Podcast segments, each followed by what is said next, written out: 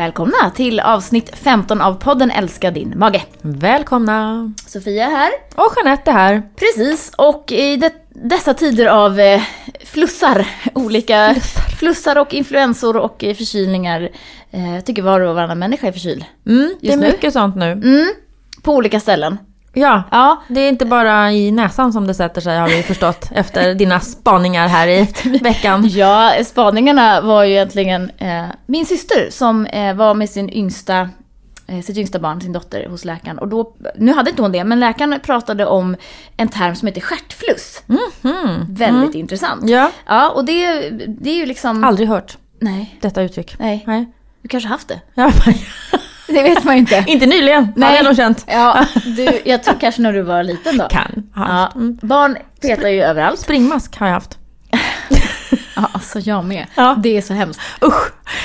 Det var en Ja, helt nej, annan diskussion. nej, vi- förlåt. Ja, eh, så här då. Eh, det här med stjärtfluss var jag inne på. Ehm, barn petar ju överallt. I näsan. Mycket i näsan. I ögat. Och i snippan. Och i stjärten. Och då, då blandas ju bakterierna och eh, då kan man ju få alltså då en streptokockinfektion i snippan eller i stjärten då. Ehm, och det här är ju ett, ett, en benämning och då får man ju behandla den naturligtvis. Jag har ingen aning om hur de gör. Förmodligen med någon typ av antibiotika. Eh, men det här är ju liksom sånt som man eh, kanske inte riktigt tänker på som förälder heller. Alla gånger. Att det kan sätta sig liksom på olika ställen. Streptokocker kan man ju ha på huden och på ja, överallt. Eh, Är det streptokockerna som är inblandat när man, eh, jag kommer ihåg barnen hade den här svinkoppar, heter det väl va? När de får sådana här utslag Ja, runt ansiktet, näsan och så. Ja, det, jag, Eller var det en det- annan bakterie? Jag tror att Ja. det är något annat. Men däremot kan man få streptokock. Eh, jag vet någon gång efter...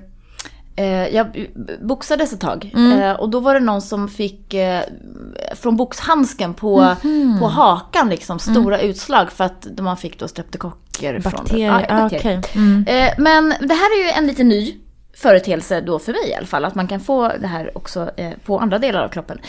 Och vi vet ju, nu är det ju många som eh, vaccinerar sig mot influensa. Och då kan man bli dålig i magen samtidigt. Det är en del som beskriver det, tycker jag. Efter en vaccination, Ja. att det, de känner av att magen blir sämre. Ja, Mm. Både när man har IBS och när man inte har IBS. Eller mer, tänker du främst då på IBS? Ja, alltså jag har Relaterat. nog mest kommit i kontakt med någon som har IBS faktiskt och som har tagit det här eh, vaccinet. Och vi vet ju också att många med IBS, när man blir förkyld, så sätter det sig alltid i magen. Ja. Det är ju det är ganska vanligt. Och det har vi pratat om lite tidigare, att vi har den här äh, kopplingen ju såklart eh, mellan vårt immunförsvar och magen eftersom det är så stor del av vårt immunförsvar som sitter i magen. Precis. Så det, blir på, det påverkar åt båda hållen. Och när det där blir aktiverat, man kanske sprutar in en del av den här lilla influensan eller något annat eh, när man vaccinerar, så blir det en reaktion i kroppen, ett, ett, en antikroppsreaktion. Eh, och då kickar ju immunförsvaret igång, det är det som är tanken med en, en vaccination. Och då kan man naturligtvis få en reaktion i magen. Det är Ja. ganska vanligt.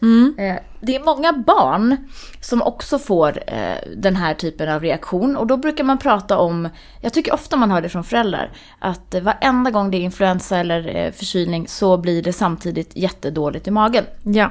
Och det finns ett, vedertaget uttryck för det som heter körtelbuk helt enkelt.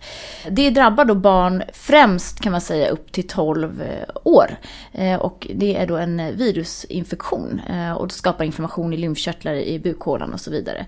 Så att det är, det är vedertaget att det kan sätta sig i, i magen just på barn den typen. Och sen finns det ju också snuva i höften, det hade min Men- son. Stopp Ja. och belägg Ja. här. Du är Ja. ju så snabb min Jaha. kära vän. Jag Ja. måste ju bara förtydliga. Ja. Jag som inte förstår lika snabbt som du. Alltså det, de, de eh, symptomen på eh, körtelbuk, de är ju ganska kraftiga förstår. Att det är nästan som att man pratar om att man tror att det är blindtarmsinflammation Ja. och sådana saker. Det kan det vara, Ja. absolut. Mm. Eh, Men det kan ju återkomma varje gång man får en förkylning. Liksom. Ja. Så det är inte som att man har det en gång och sen så försvinner det, utan Smärtan oftast variera. återkommer det här. Ja, Mm. just det. Ja, okej. Bra. Är du med nu? Ja, nu är jag med. nu är... Fint. Ta det en gång till för tant Jeanette här. Ja. Ja. Nej men, ehm, ja, och snuva då i höften.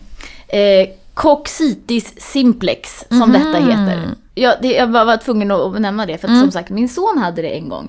Eh, och han, helt plötsligt kunde han inte gå. Han kunde inte stödja Oj, på hjälp. ena benet. Och då blir man ju helt eh, förskräckt Ja, som då, förälder. då tänker man Ja. cancer på en gång. Eh, nu, det var alltså en, en snuva som hade satt sig i, eh, eh, i höften helt Mm, enkelt.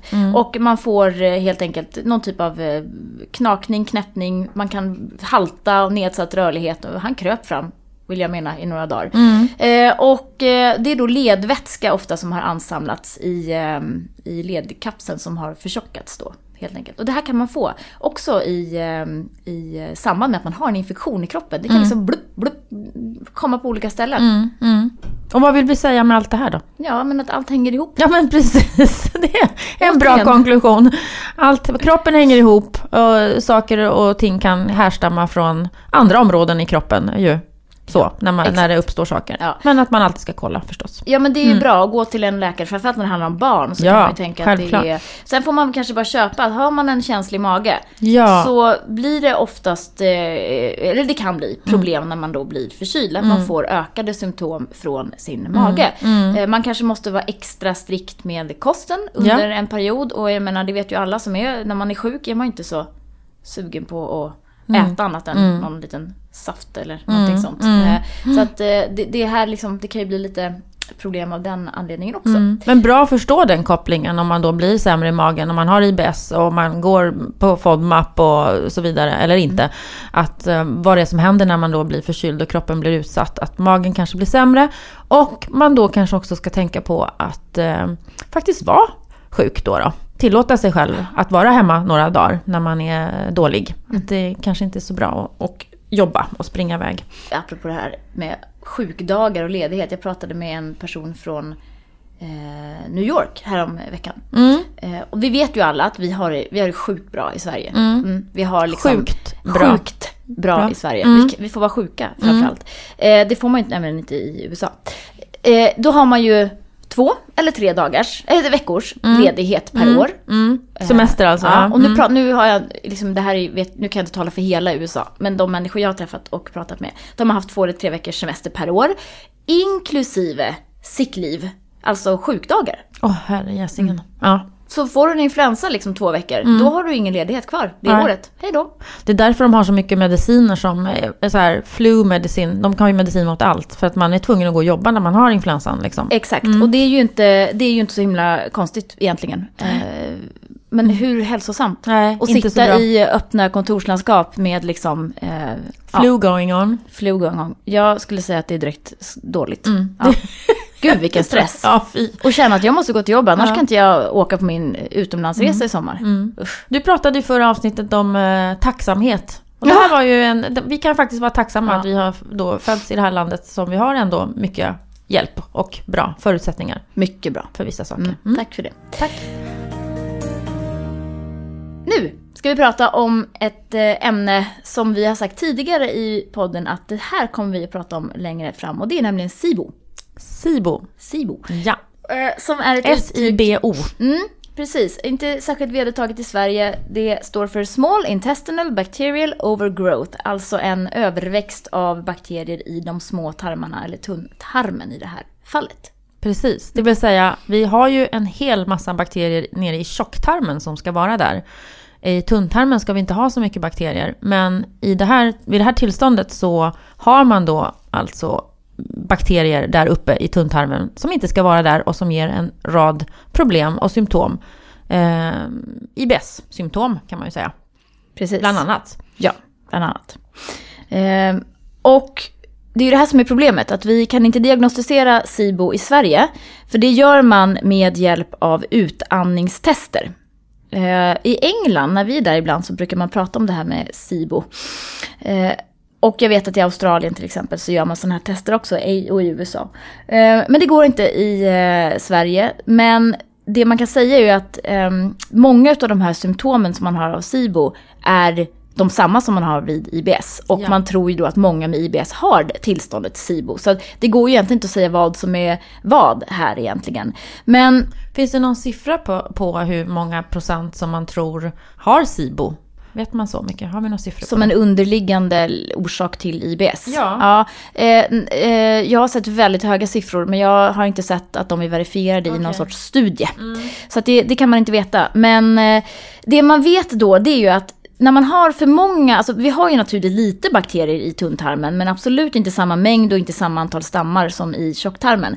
Det man då förstår eh, om man har bakterier uppe i tunntarmen så möter ju bakterierna maten Eh, snabbare. Helt enkelt. När man har ätit så kommer mat och bakterier i kontakt med varandra mycket, mycket tidigare. Så det är ju ett klassiskt tecken på att man har då eh, SIBO och inte IBS kanske. Mm. Eh, det är att man får ganska snabba symptom efter måltid. Och de snabba symptomen är kanske inte primärt tarmtömning, för det, då pratar vi mer om reflexen i tjocktarmen. Utan mm. då handlar det mer om uppblåsthet, bubbel och eh, ja, rummel i, i magen helt enkelt. Eh, att det kommer snabbare skulle kunna vara ett tecken då på att man har Eh, SIBO istället. Och bakterierna i tunntarmen, det som blir problem här då, det är att de livnär sig ju på näringen som vi egentligen ska ta upp. Mm. Så de snor ju lite maten, eh, eller näringsbeståndsdelarna i maten från oss. Så det är ganska eh, eh, tråkigt att biverkningarna av det här blir att man får ett sämre näringsupptag och kanske också brist på näringsämnen som järn och kalcium och framförallt fettlösliga vitaminer också.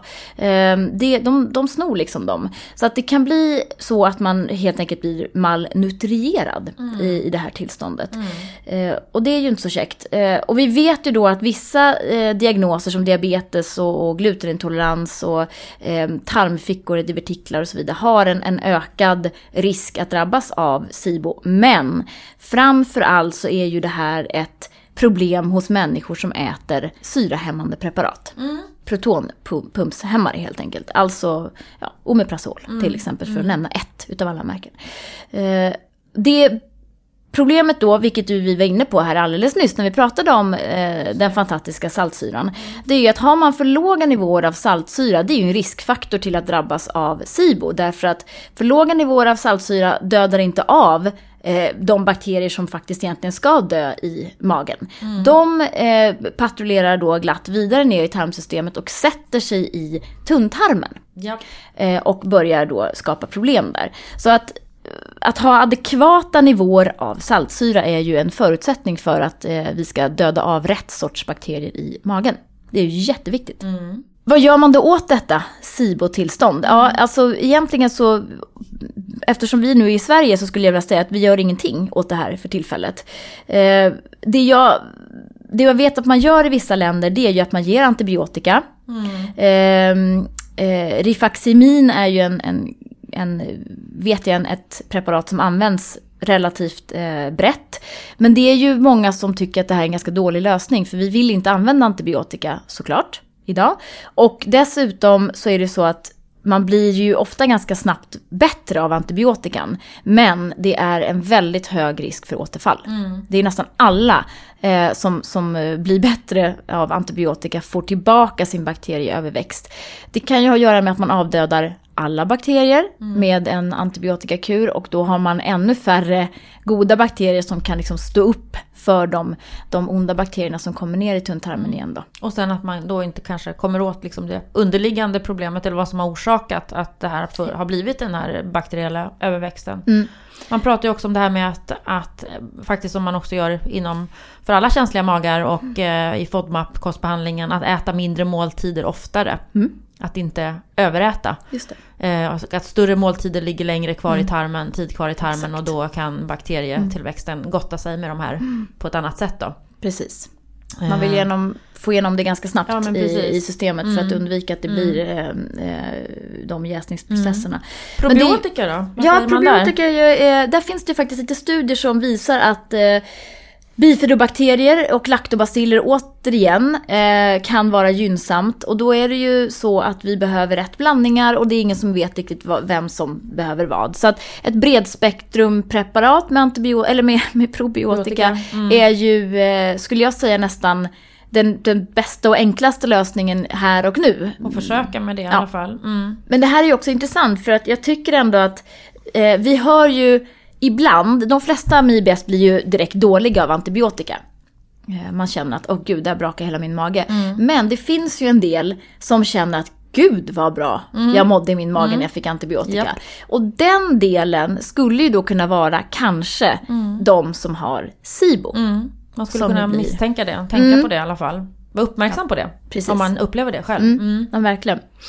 Eh, Så att det här med antibiotika är inget eh, alternativ utan då är det bättre att ta en probiotika och ta och eh, boosta på med saltsyra helt enkelt. Så att man får se till att bli kvitt de där eh, syrehämmande preparaten och försöka lösa det på annat sätt helt enkelt. Eh, för att få en bättre balans och bättre matsmältning och bättre näringsupptag. Sen finns det ju lite örter som man har tittat på. Ja. Ehm, också i studier faktiskt och som har visat sig ge i stort sett liknande resultat som antibiotika men då utan de tråkiga biverkningarna. Eh, oreganoolja är ju en lite så här, det är ju en eterisk olja. ja. Ja.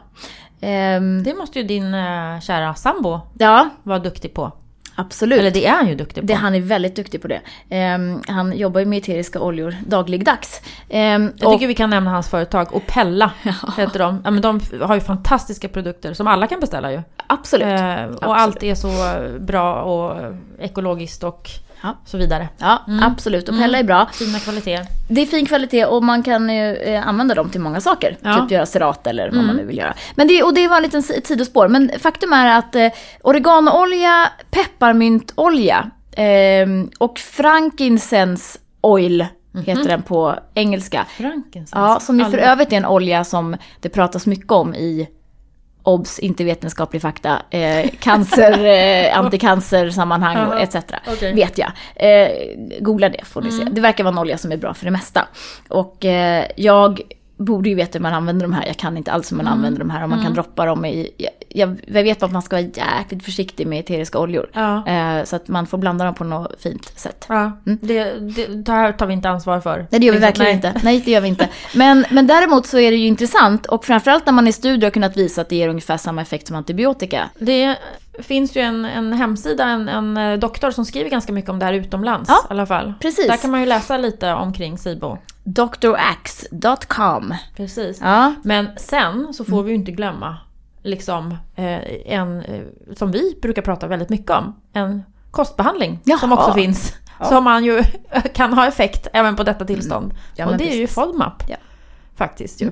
Ja. Att man kan få lindring av, precis som av sina, liksom, om vi nu ska säga vanliga IBS-symptom, så Mm. kan man också få lindring eh, med de här symptomen med en FODMAP ja kostbehandling. exakt. Då har inte bakterierna så mycket att, att, att götta sig till på där. Nej, Nej, precis. precis. Så det, det är väl käckt eh, och, och, och den använder vi ju ofta eh, Ja. till IBS. Men det är ju Alltså- faktiskt för att vi vet att, att vi vet ju inte hur många IBS som Nej, egentligen som har SIBO. Men, och det Nej. blir ju så, för man går ju på, vi går ju på en patient som kommer, eller man är utredd, liksom, man har inga andra sjukdomar eller farliga saker, men man har de här symptomen. Och då, det som finns till rådighet idag, det är ju kostbehandlingen FODMAP. Mm. Så det, ska säga, det spelar inte så stor roll om man ska vara lite krass, om det är SIBO eller en, en äkta IBS eller vad vi nu ska kalla det för. Mm. Är symptomen de här, uppblåsthet, ont i magen, Mm. omväxlande avföringsmönster, eh, gaser och så vidare, då är FODMAP eh, kostbehandlingen värd att prova. Precis, och sen så blir det ju då plan B som vi egentligen alltid använder oss av. Och det är ju probiotiska tillskott, det är matsmältningsstöd i form av saltsyra och matsmältningsenzymer och så vidare. Och det är ju det som vi också då...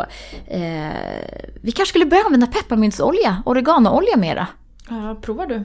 Jag kanske ska göra det.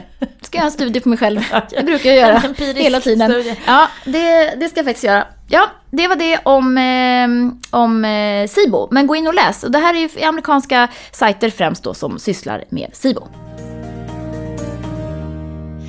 Ja, jag skulle vilja berätta om en annan spännande sak eh, som vi ju har eh, börjat att göra. Eh, vi har ju inlett ett samarbete med Stockholm Gastrocenter som, eh, deras leveran- eller som leverantör av IBS-skola hos dem.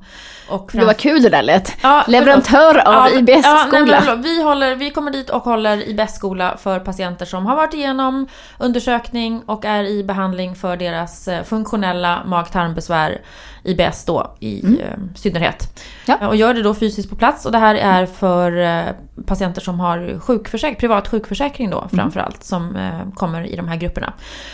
Och det är fantastiskt spännande och roligt tycker jag ju alltid att ha de här grupperna och se vad som händer och när vi pratar igenom allt det här med magen och går igenom kostbehandlingen FODMAP och vi pratar om stressen och allt som påverkar och vi träffas då vid fem tillfällen.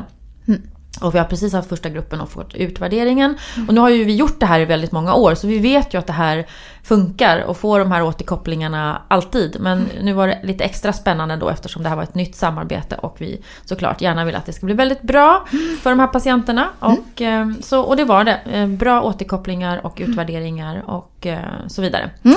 Eh, Så det var kul. Det är jättekul Ja. och vi är framförallt väldigt glada för att ehm, vi gillar ju Stockholm Gastrocenter och deras läkare framförallt Ja. som vi har ju fått, eh, vi har ju träffat dem själva naturligtvis Mm. och vet att de har jobbat länge, det är erfarna gastroenterologer, Mm. de kan det de gör och de lyssnar framförallt på patienterna. Mm. Man känner sig sedd, hörd, bekräftad och man blir ordentligt utredd.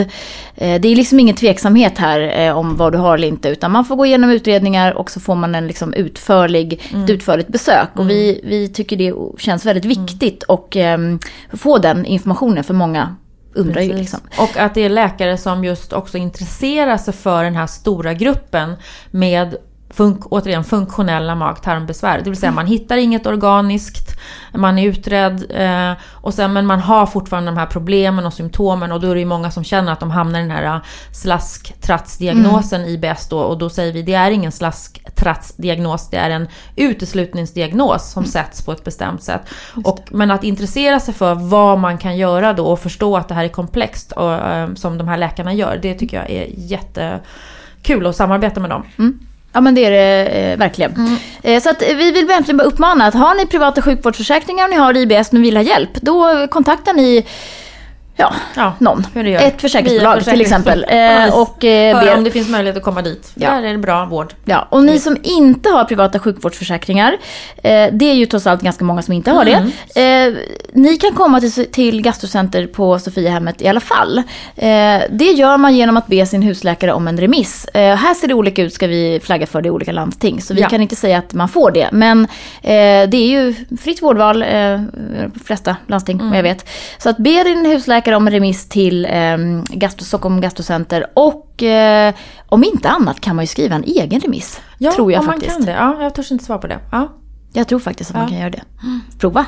Det finns Men som känner man sig inte nöjd också om man inte känner sig hjälpt av den vården man har fått Ja. eh, och, och har stora problem, då är det viktigt att komma till en specialist som jobbar med det här. Mm. Precis. Bra. Bra. Punkt på den. Ja. Och jag då, hormongalningen, eh, har snokat upp en ny studie här. Jag såg det här om dagen, jag tycker bara att det är så intressant. Apropå det här att vi vet ju inte allt. Nej. Nej.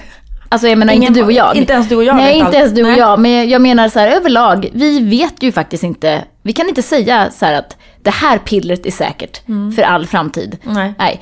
Till exempel då visar det sig nu att värktabletter då med eh, Ibuprofen till exempel, eh, Ipren. Eh, då visar sig sänka halten av testosteron. Hos, eh, det här, i den här fallet var det unga män då i Danmark. Danmark är väldigt framme på vad det gäller forskning om dels det här men också antidepressiva eh, preparat som de har visat, eh, ja inget bra på. I alla fall, och då är det så här då, då att eh, några manliga patienter här eh, i lägre ålder fick äta Ibuprofen eh, flera gånger om dagen då. Det är ju kanske inte vanligt att man äter flera gånger om dagen. Eller så är det det. Jo, det, det kanske man väl. Man Om tar det för säkerhets. Det är många som tar, Ja men också om man är, har, alltså man ska väl max tre om dagen är det väl i Ipren till exempel. ja just Inte det, om man har typ kronisk värk. Ja men om man har en influensaperiod eller man har kronisk värk Just eller ont det. i huvudet ofta. Eller jag tror att det är ganska vanligt att man kanske trycker i sig sådana där. Ja. Eller då och då. Men, men då ser man ju här hos de här stackars männen då, då som bara ett par veckor med den här halten av eh, Ibuprofen då i kroppen så var deras eh, hormonnivåer av testosteron nere på nivåer eh, som var jämförbara med en 70-årings Oj, nivå. jaha. Och det här var som män mellan 18 och 35 som ska vara i sin, liksom, sin, sin livsform och typ reproducera sig. höjdpunkt, Ja. ja. Eh, det var ju inte så kul. Nej, Nej, det var det nog inte. nej, det, Vare sig för dem eller deras partner kanske. nej, Nej. och för deras framtida barn. Och inte som heller. kanske inte blir av då. Nej. Det är ju väldigt illa för, för Nej, reproduktionen. men, ja. Eh, det här är ju apropå att vi tror ju Mm. att det här är bra grejer. Och hoppsan sa, nu börjar vi studera det här. att vi förlitar oss väldigt mycket på det. Ja. Precis. Eh, som någon skrev någon gång, obs, jag har ingen källa på det här just nu, att eh, om, om de här läkemedlen skulle kommit idag skulle de aldrig bli Mm. godkända, värktabletter. tycker jag säger ganska mycket om att, eh, som sagt... Det skulle inte alkohol heller. Eller Nej, cigaretter. eller cigaretter för den delen.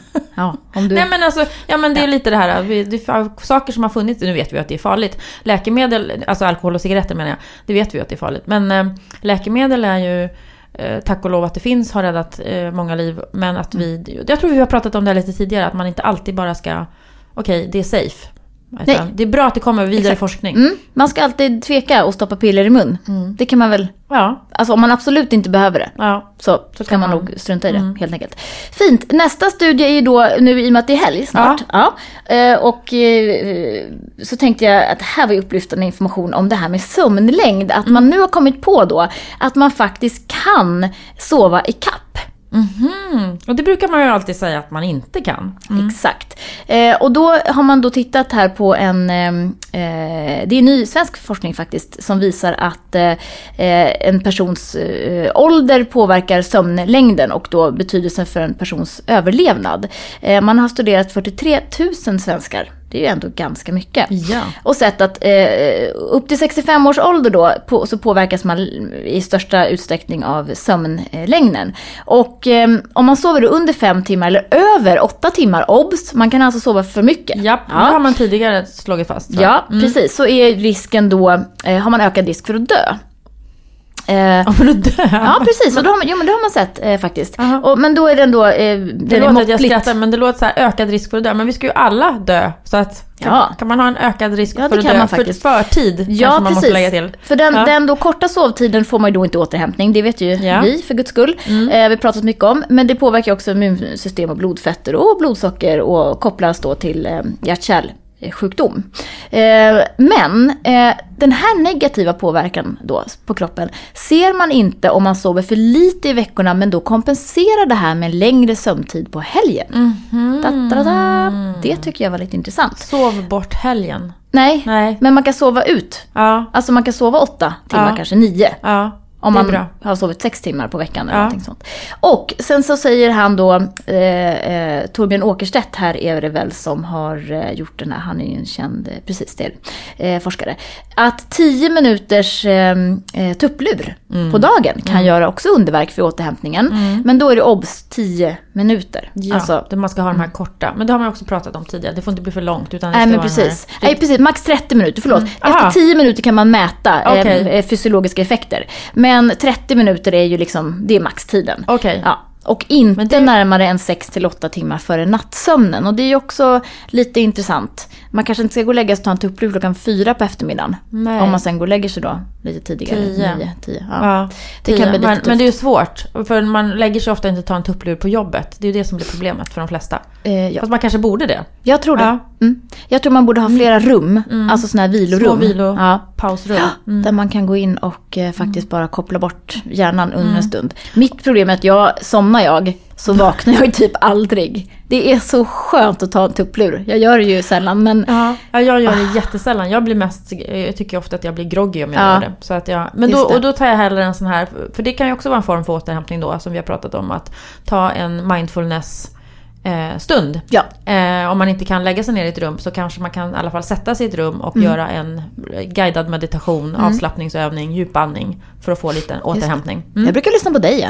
Jaha, vad roligt. Mm. Jag har dig i telefonen. Jaså minsann. Jeanette, du är så vad duktig på att prata, prata om, eh, Andas eh, ja precis, andas lugnt och känn underlaget Ja. mot eh, kroppen Ja. etc. Ja, vad bra. Somnar man ju Jag är glad att direkt. jag kan bidra med Det kan du, till lilla- lugn. till ditt lugn. Ja, precis.